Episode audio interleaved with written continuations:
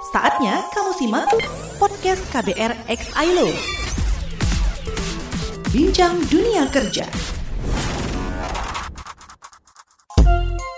Halo Sobat Muda, sekarang kamu lagi dengerin podcast KBR X ILO, Bincang Dunia Kerja. Podcast kerjasama antara KBR dan International Labour Organization atau ILO ini akan berbagi informasi dan edukasi untuk teman-teman muda soal dunia pekerjaan – Mulai dari isu pemagangan, keterampilan digital, disabilitas di tempat kerja, sampai isu pekerjaan yang akan muncul di masa depan. Dan di episode kali ini kita akan ngobrol bareng Dede Sudono.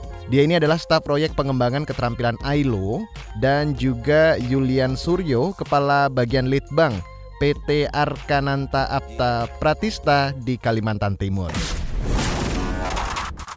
dunia kerja itu ya nggak seideal yang ada di dalam pikiran kita gitu loh. Kadang juga kejam gitu, kadang juga ngegemesin dan banyak teman-teman muda ini yang nggak siap karena menganggapnya dunia kerja ini adalah dunia yang serius, padahal nggak juga di dalamnya. Podcast KBR X ILO. Bincang dunia kerja. Apa kabar sobat muda? Mudah-mudahan dalam kondisi yang baik dan sehat dan tentu saya juga berharap sobat muda tetap produktif walau di tengah pandemi seperti sekarang. Sobat muda, gimana sih pengalaman kamu pas lulus sekolah dan mulai mencari pekerjaan? Ada nggak sih kayak rasa was-was, bingung harus apa yang dipersiapkan untuk masuk ke dunia kerja atau malah ngerasa takut nggak dapat pekerjaan?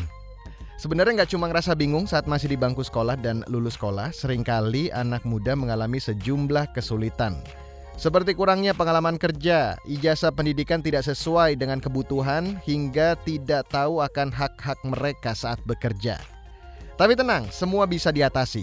Tapi apa aja sih yang harus diketahui anak muda untuk menyiapkan diri dalam mencari pekerjaan dan strategi apa yang harus diambil, apa saja harus diketahui dalam memastikan untuk bisa melenggang mulus dari dunia pendidikan atau pelatihan ke dunia kerja. Selamat pagi dulu untuk Mas Dede eh, Mbak Dede Sinta Sudono. Pagi pagi Mas Rizky. Maaf nih pagi. jadi, agak ke distract. Udah biasa tapi kalau dipanggil Mas jadi nggak apa-apa. Padahal cantik ya kok dipanggil Mas gitu ya. Ada juga Mas Yulian Suryo dari PT Arkananta Apta Pratista ada di Kalimantan Timur. Halo Mas, apa kabar? Alhamdulillah kabar baik, kabar baik. Kita mulai aja ya. Yang namanya mencari kerja apalagi di saat pandemi ini pasti bikin galau nggak pasti. Yang udah kerja aja yang punya experience saja pasti susah. Gimana yang first uh, graduate? Nah, ini mungkin yang dirasakan sobat muda di di awal dunia kerja seperti sekarang. Tadi udah disebutkan kalau selain perasaan-perasaan itu sering kali anak muda dihadapkan dengan sejumlah kesulitan. Selain yang disebutkan tadi, apa saja sih sebetulnya kendala yang biasanya dihadapi oleh anak muda saat mencari pekerjaan atau mempersiapkan pekerjaan? Mungkin untuk Mbak Dede dulu. Silakan, Mbak. Terima kasih Mas Rizky. Kayaknya kalau dibilang susah, juga susah-susah enggak ya Mas Yulian? Karena saya yakin anak muda sekarang itu sangat kreatif ya. Jadi saya percayalah mereka. Karena juga kita membuat kajian cepat ya pada tahun 2019 itu sekitar 2.400 kaum muda usia 18 sampai 24 tahun di 10 kota di Indonesia hampir 80 persen itu mengaku mereka percaya diri percaya diri untuk mendapatkan pekerjaan yang layak. Masalahnya itu mungkin ya adalah mencari informasi terkait lowongan kerja yang tepat. Saking banyaknya media informasi terkait loker kalaupun ada, apakah memang lowongan yang tersedia itu sesuai dengan skillnya mereka atau keinginan mereka, kebutuhan mereka. Jadi lowongan yang ada belum tentu sesuai. Jadi itu yang membuat teman-teman kemudian mengatakan susah. Kalau saya nggak bilang susah, tapi berliku sedikit lah. Nah kalau dari Mas Yulian sendiri dari sisi pengusaha nih kan, apa nih yang Mas Yulian selama ini lihat tentang kesulitan generasi muda dalam mencari kerja dan mempersiapkan? Jadi kalau kami melihat dari sisi industrinya sendiri, sebetulnya terkait informasi ini di zaman dan di era yang sekarang sudah beralih ke digitalisasi sebetulnya bukan sesuatu yang susah untuk dicari informasi terkait pekerjaan tersebut. Dan pekerjaan sesuai yang disampaikan Mbak Didi tadi memang wah luar biasa banyak. Cuma di sini biasanya kendalanya adalah apakah si pelamar kerja ini udah siap belum sih sebetulnya untuk menuju ke dunia kerja? Karena kalau kami melihat dari dunia industri, kadang-kadang ini modalnya ini nggak benar-benar disiapin. Akhirnya semacam modal nekat ketika mau melamar pekerjaan. Sehingga ketika dilakukan tes, rekrutmen, nah ini banyak yang terlihat tidak siap. Jadi selain ya mempersiapkan diri, mencari kira-kira saya ini skillnya apa yang tepat, pekerjaan apa yang tepat, ya kita juga harus cari tahu juga ini sebetulnya pekerjaan yang akan saya lamar ini, ini mengenai apa. Kadang itu hal yang terlepas dari pemikiran teman-teman muda. Kemudian kalau sekarang kita lihat salah satu kendalanya juga masih banyak sih ini ya industri yang mempersyaratkan bahwa harus ada pengalaman sekian padahal masih fresh graduate nih gitu kan. Nah ini berarti otomatis dari segi persyaratan aja udah tersingkir nih. Nah, di di situ juga kadang-kadang yang menjadi kendala ya ini bagi kaum muda untuk melamar pekerjaan. Namun sekarang sih saya lihat sudah mulai ada peralihan ya. Jadi pengalaman itu bukan menjadi sesuatu yang benar-benar nomor satu, tapi lebih kepada dilakukan pengetesan kemampuan dan sertifikasi. Jadi harapannya untuk teman-teman muda yang pengen melamar kerja yaitu bukan menjadi sebuah kendala lagi ya. Ini memang sering banget juga saya temukan kesalahan-kesalahan seperti itu. Saya pernah ngelihat satu tawaran lamaran pekerjaan ada tulisannya experience paling harus 2 tahun tapi fresh graduate are very welcome. Ini yang bikin ambigu kadang Mas ya. Harus ada pengalaman tapi fresh graduate are welcome ya. nah, kalau kita berbicara tentang keterampilan atau skill yang harus dimiliki oleh generasi muda. Tentunya kan setiap lulusan atau degree itu setiap orang pasti mudah untuk mendapatkan ijazah atau sertifikat, tapi belum tentu mereka punya keterampilan atau skill dalam bidang itu. Tapi yang saya berbicara tentang perbedaan keterampilan. Saat ini kan dunia digital udah semakin pesat dan tentunya nggak semua orang itu sama kemampuan atau literasi di dunia digital. Makanya perlu ada yang istilahnya kayak transisi untuk agar anak muda dapat beradaptasi dengan baik untuk persaingan dunia kerja. Nah kalau menurut Mas Julian dan Mbak Dede sendiri, transisi seperti apa atau adaptasi seperti apa sih yang bisa dilakukan supaya generasi muda ini mempunyai kesiapan dan nggak bingung lagi? Mungkin dari Mas Julian dulu. Jadi kalau untuk kesiapan teman-teman muda yang pengen masuk ke dunia kerja sebetulnya kalau sekarang ini adalah tahun-tahun yang terbaik ya beberapa tahun belakangan ini karena pemerintah juga menggalakkan yang namanya program magang. Sebetulnya di dalam program magang itu sendiri nanti teman-teman para pencari kerja nih ya itu bisa belajar bagaimana sih dunia kerja itu sebenarnya. Kemudian di sana teman-teman tidak hanya mengejar pengalamannya tapi dari sisi kompetensi Nah, itu di program magang juga menjadi salah satu goals utamanya sehingga nanti program magang ini bisa dijadikan salah satu solusi ya untuk transisi antara dunia pendidikan atau teman-teman yang masih fresh graduate ke dunia kerja. Karena nantinya pasti akan berbeda antara akademis dengan teknis di pekerjaan gitu. Kita sering melihat sebagai seorang rekruter gitu ya, sebagai seorang HR kadang-kadang secara akademis itu bagus, teorinya bagus banget gitu. Tapi ketika kita melihat pengalaman, kemudian bagaimana cara dia berinteraksi, komunikasi, kerjasama, dan yang lainnya. Nah, ini sebetulnya yang belum dapat. Dan itu harus memang betul-betul bisa didapatkan pada saat teman-teman ini yang merasakan bagaimana dunia kerja itu sesungguhnya. Jadi program magang lah yang menurut saya menjadi salah satu jembatan lah sebagai transisi antara ini dunia pendidikan, sekolah gitu kan, teman-teman yang fresh graduate menuju ke dunia kerja. Kalau Mbak Dede menilainya bagaimana Mbak? Adaptasi atau transisi seperti apa? Kalau Mas Julian tadi mengatakan bahwa magang ini sangat penting. Kalau dari hmm. Mbak Dede sendiri, bagaimana melihatnya Mbak? Sebenarnya gini, program transisi ya tadi bicara gitu. Sebenarnya program transisi itu apa sih sebenarnya gitu? Magang memang salah satunya ya itu program yang memang memberikan kesempatan buat kaum muda untuk menyesuaikan diri, adaptasi dengan dunia kerja gitu. Nah, dan program itu tentunya tidak cukup hanya diberikan di sekolah gitu ya, karena sekolah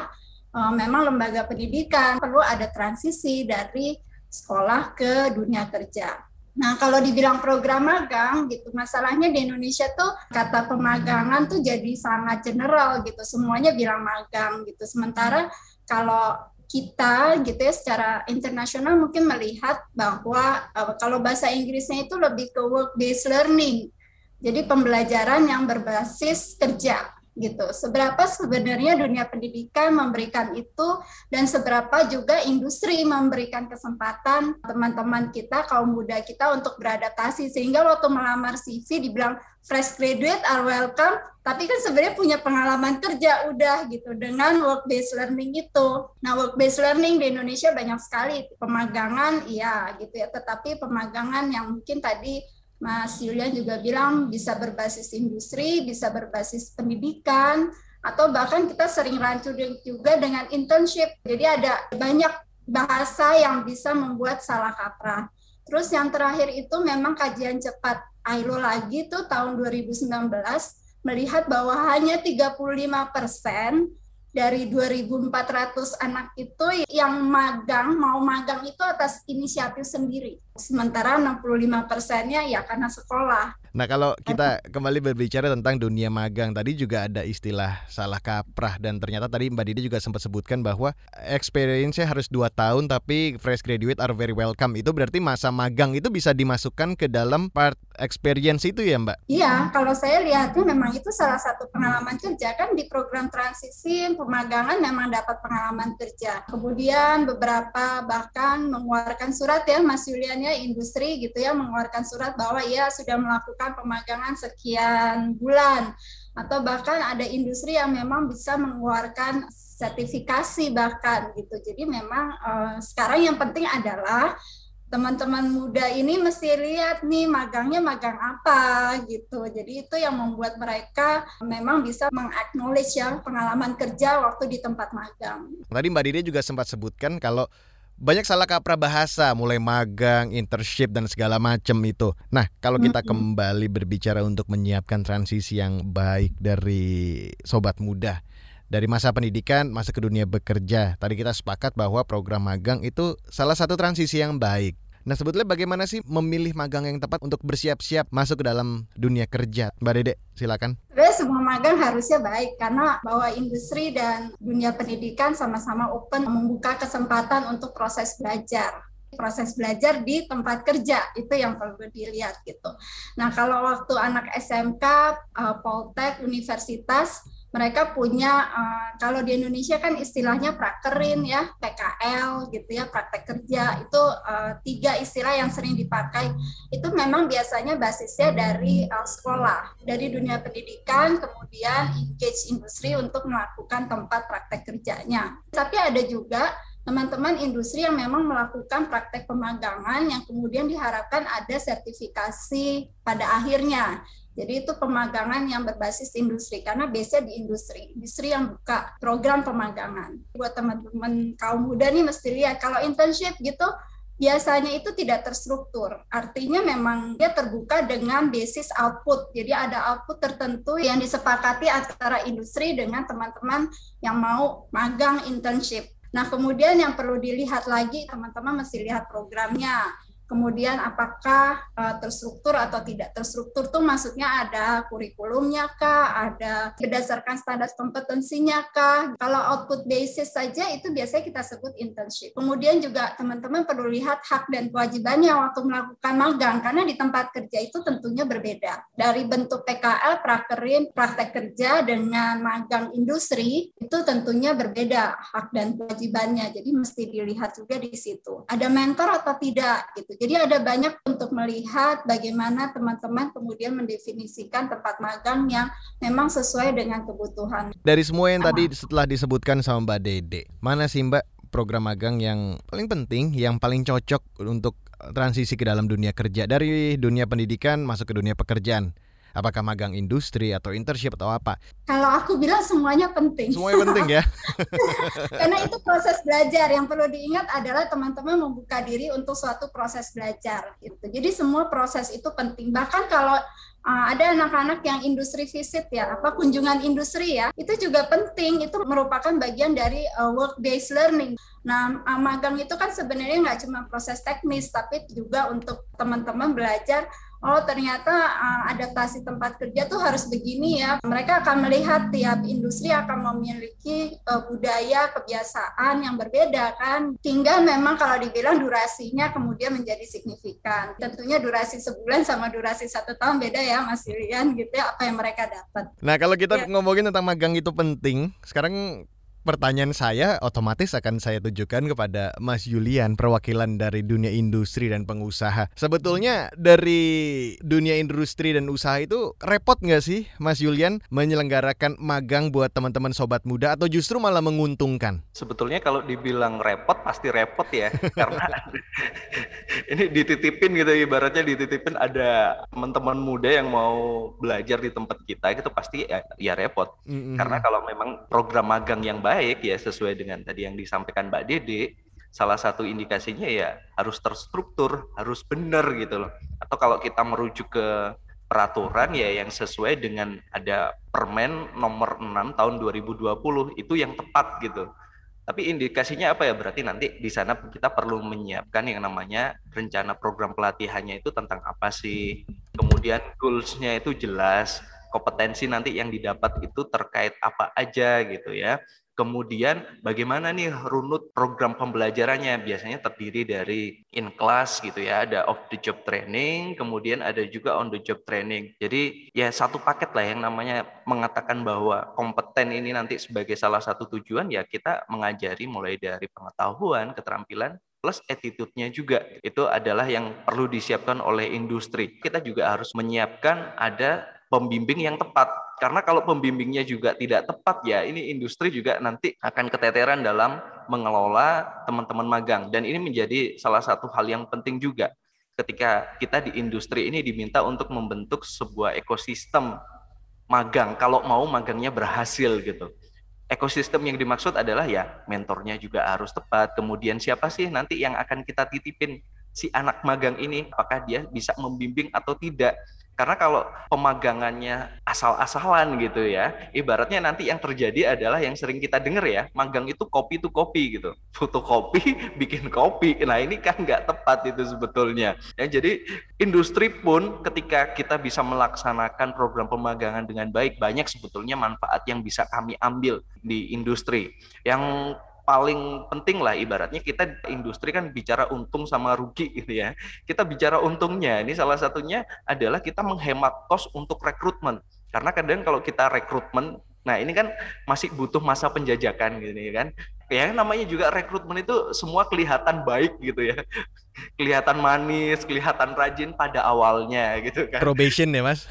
ya. Tapi setelah itu keluar aslinya. Nah, sebetulnya masa pemagangan ini bisa men-shortcut itu atau bisa menjadi bagian dari masa percobaan itu sehingga kita sudah tahu nih talent-talent yang kita rekrut dalam program pemagangan ini apakah cocok atau enggak nih nanti untuk dijadikan salah satu talent yang nanti akan kita rekrut menjadi karyawan. Berarti ada Jadi kemungkinan cerita, ya Mas Yulian dari teman-teman yang magang at the end akan menjadi staff ya. Hmm. Itu besar banget ya. Bahkan kalau di tempat kami itu ya dari program pemagangan mandirinya saja itu 88 persennya kami serap menjadi karyawan. Jadi memang ya besar peluangnya karena lebih enak lah ya ngapain sih kita cari yang lain kalau kita sudah tahu ibaratnya kalau istilah orang Jawa bibit bobot bebetnya udah kita tahu nih selama program magang yang sebetulnya kalau kita hanya melewati masa rekrutmen ya ini dibandingkan dengan karyawan biasa. Nah itu kan kita cuma lihat permukaan saja. Kadang ibaratnya tertulisnya bagus gitu ya di CV, mm-hmm. tapi ternyata aslinya nggak nggak juga gitu ya. Malah yang teruji adalah teman-teman yang magang ini. Jadi keuntungannya banyak banget sih bagi industri. Ya selain memang itu sebagai salah satu kewajiban industri juga ya. Oke berarti bisa dibilang kalau di Arka kalau sudah nyaman ngapain mesti PDKT sama yang baru gitu ya? betul, betul, betul, betul daripada di PHP-in gitu kan. Betul. Kan. Jadi mendingan kalau udah nyaman ya udah sikat aja ya gitu lah ya. Aja sudah di hire gitu. Betul. Terus di pengembangannya kan juga nggak butuh waktu lama lagi mm -mm. karena kita sudah tahu oh kompetensinya sekian. Jadi nanti kalau mau direkrut dijadikan karyawan di posisi tertentu kita sudah tahu nih gapnya seberapa. Itu juga bisa mereduce cost kalau kita ngomong masalah untung dan rugi lagi. Nah, kalau kemudian kita berbicara dengan kondisi seperti sekarang nih, Mas Yulian dan Mbak Dede, ada istilahnya penjarakan sosial atau PPKM, semua serba daring atau online. Memungkinkan nggak sih semua ini dilakukan melalui daring? Itu yang pertama pertanyaan saya. Dan yang kedua, kalau melihat dengan kondisi sobat muda atau anak muda saat ini, mereka cepat tanggap nggak sih dengan praktek kerja yang dilaksanakan secara online atau daring? Mungkin ini ke Mbak Dede dulu ya. Bagaimana Ailo melihat hal ini? kita sih sudah mencoba untuk mendorong juga ya teman-teman industri untuk kesempatan secara daring gitu. Tetapi memang tantangannya juga nggak uh, mudah karena tentunya perlu perangkat dari teman-teman teknologi. Karena kalau kita mau pakai laptop atau komputer, komputernya kalau di kantor kan enak bisa pakai komputer kantor. Kalau di rumah berarti anak-anak harus siap dengan itu. Itu yang pertama. Terus kedua memang belum ada peraturan khusus yang memastikan menjamin atau proteksi terkait dengan pemagangan secara daring. Terus yang ketiga memang harus ada mentor gitu, apalagi secara daring gitu. Bukan harus lagi itu bagaimana mentor yang sangat berperan dan memastikan tentunya memang teman-teman ada proses belajar. Lagi-lagi proses belajar itu yang perlu dipastikan sehingga tidak hanya mereka bekerja uh, proses kerjanya tapi proses belajarnya akan dipastikan oleh teman-teman mentor. Kalau untuk uh, selama PPKM mungkin banyak yang memang terpaksa menghentikan karena memang ada alat-alat yang tidak memungkinkan dilakukan secara daring. Tetapi beberapa industri itu sudah melakukan gitu. Bahkan ada yang jadi IO, IO Zoom, webinar gitu ya, itu juga banyak. Oke, kalau Mas Julian sendiri boleh nggak diceritain bagaimana teman-teman di Arka sendiri menyelenggarakan program magang ini di tengah pandemi seperti sekarang? Kan Kalimantan juga termasuk daerah yang penularan COVID itu cukup tinggi dan sempat juga masuk ke PPKM yang levelnya juga cukup tinggi. Jadi kalau untuk proses pemagangan sendiri ya di Arka memang kalau di tahun 2020 2021 ini agak berkurang ya daripada tahun-tahun sebelumnya. Karena posisi yang kami siapkan program magangnya ini berhubungan dengan keterampilan-keterampilan yang memang harus harus hadir ini orangnya. Tidak bisa secara virtual aja karena kalau kami ini kan di bidang mining and construction dan kebanyakan posisi-posisi magang yang kami buka adalah mekanik gitu ya. Kemudian ada operator alat berat dan posisi-posisi ini nggak mungkin ibaratnya dijalankan atau dilakukan dengan cara digital. Namun di beberapa posisi yang lain nih contohnya kemarin kita juga di tahun 2020 ada melakukan program pemagangan, tapi untuk yang basic komputer ini untuk teman-teman admin, nah itu bisa dilakukan. Jadi memang tergantung posisinya apa dulu nih pekerjaannya gitu ya. Kalau posisinya adalah admin yang komputer itu ya kita kita lakukan penyesuaian. Memang di awal perlu ya ada persiapan-persiapan khusus dan saya rasa sih itu sisi lain manfaat dari pandemi ya. Kita dipaksakan supaya benar-benar memanfaatkan teknologi. Hal yang mungkin dulu kita ah tunda dulu deh yang namanya e-learning dan lain sebagainya. Akhirnya selama pandemi ini kita dipaksakan memang harus dilakukan termasuk salah satunya untuk program magang. Dan itu sudah sukses kita lakukan di tahun 2020 ada 10 orang itu mengikuti program pelatihan untuk yang basic komputer. Kita lakukan secara daring mulai dari proses pembelajarannya ya atau off the job training kemudian penugasan penugasannya cuma memang tantangannya lebih berat ya. Tadi sampaikan Mbak Dede untuk mentoringnya memastikan bahwa benar-benar belajar nih karena teman-teman sekarang ini kan sebetulnya canggih-canggih gitu ya terkait teknologi. Jadi kayaknya lebih pinter mereka daripada mentornya ya kalau masalah akal-akalan nih ya. Kadang dimatiin atau kalau enggak oh ternyata ini ada video gitu yang diputer atau apa. Kelihatannya kayak memperhatikan ya ternyata nggak ada orangnya gitu. Hmm. Jadi memang di situ tantangannya sih kemarin ketika kami melakukan proses pemagangan secara digital. Tapi ya next sih kalau saya lihat tren-tren pekerjaan sekarang kan banyak yang bisa dilakukan secara digital. Jadi pastinya industri-industri yang memang sesuai juga nanti bisa melakukan. Dan bahkan sebetulnya sekarang menjadi lebih efisien sih kalau saya dapat informasi dari teman-teman industri yang lain ya. Karena kan nggak perlu menghadirkan orang. Jadi ada beberapa ibaratnya kos pengeluaran yang selama pandemi ini pemagangannya digital sehingga itu itu benar-benar dikurangi listrik apa segala macam kan.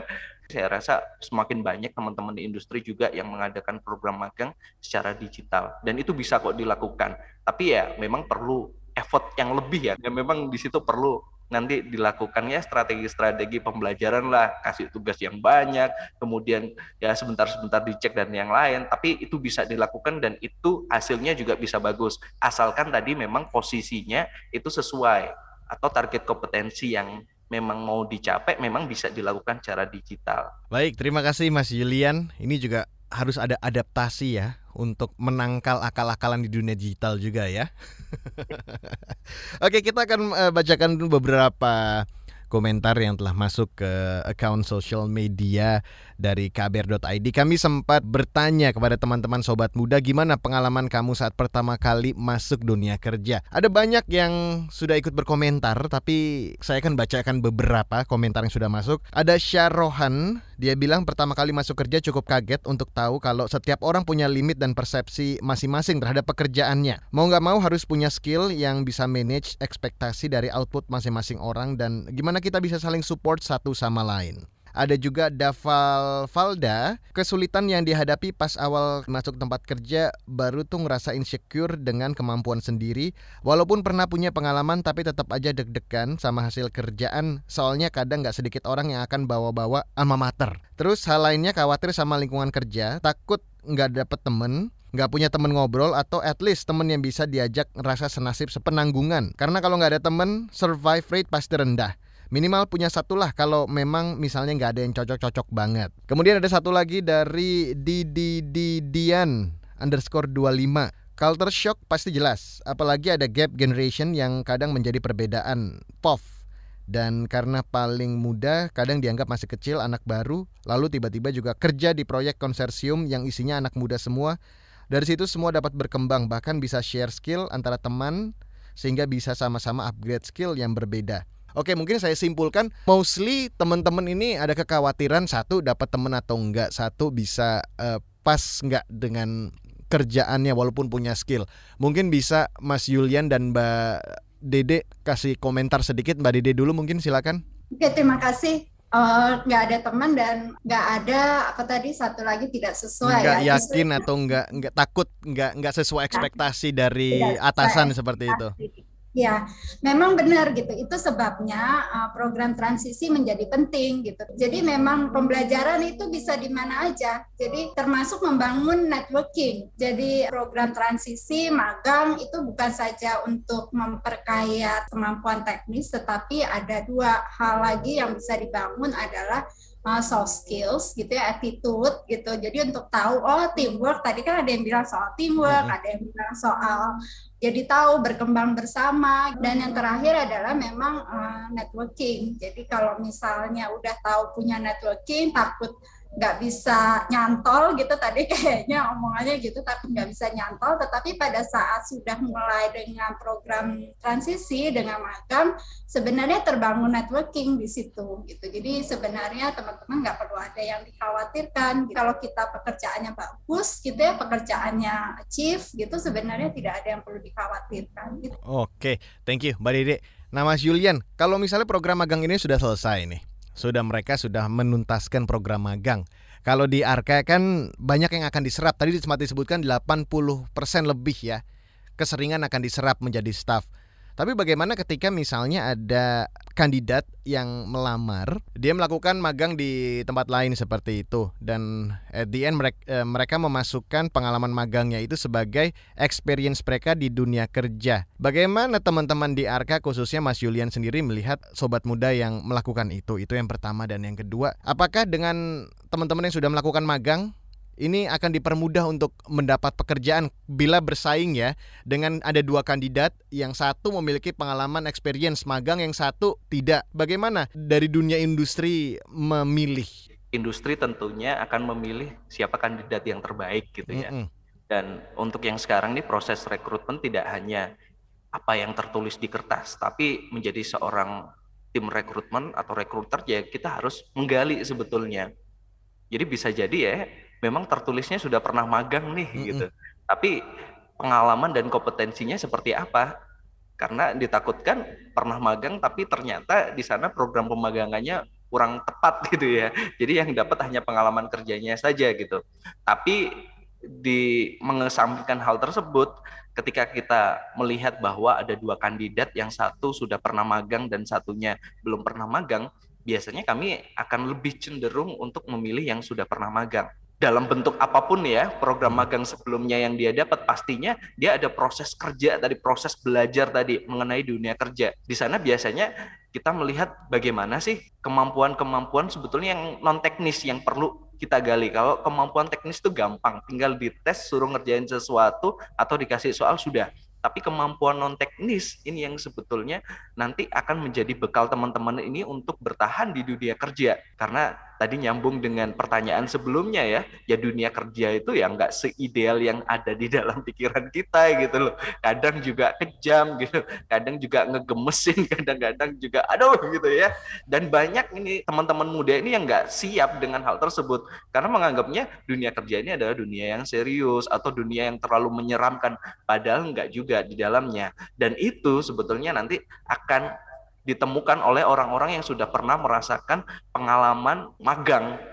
Jadi mereka lebih siap, oh memang ya namanya kerja juga harus ada adaptasi gitu. Saya harus bisa berinteraksi, berkolaborasi dengan orang lain. Jadi itu yang sebetulnya menjadi nilai plus kenapa kami selalu cenderung melihat teman-teman yang sudah magang ini menjadi sebuah potensi.